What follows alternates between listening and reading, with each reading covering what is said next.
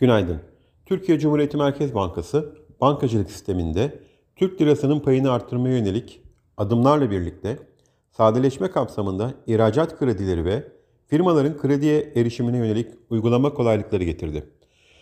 Yine e, Türkiye Cumhuriyeti Merkez Bankamızın Ağustos ve Eylül aylarında sırasıyla 750 ve 500 bas puanlık faiz arttırımlarının ardından politika faizini 500 bas puan daha arttırarak %35'e yükseltti. Ee, Merkez Bankamızın brüt rezervleri 20 Ekim haftasında 2.4 milyar doları altın rezervlerindeki artıştan kaynaklanmak üzere 1.6 milyar dolar artarak 126.1 milyar dolara yükselirken döviz rezervleri 0.7 milyar dolar azaldı.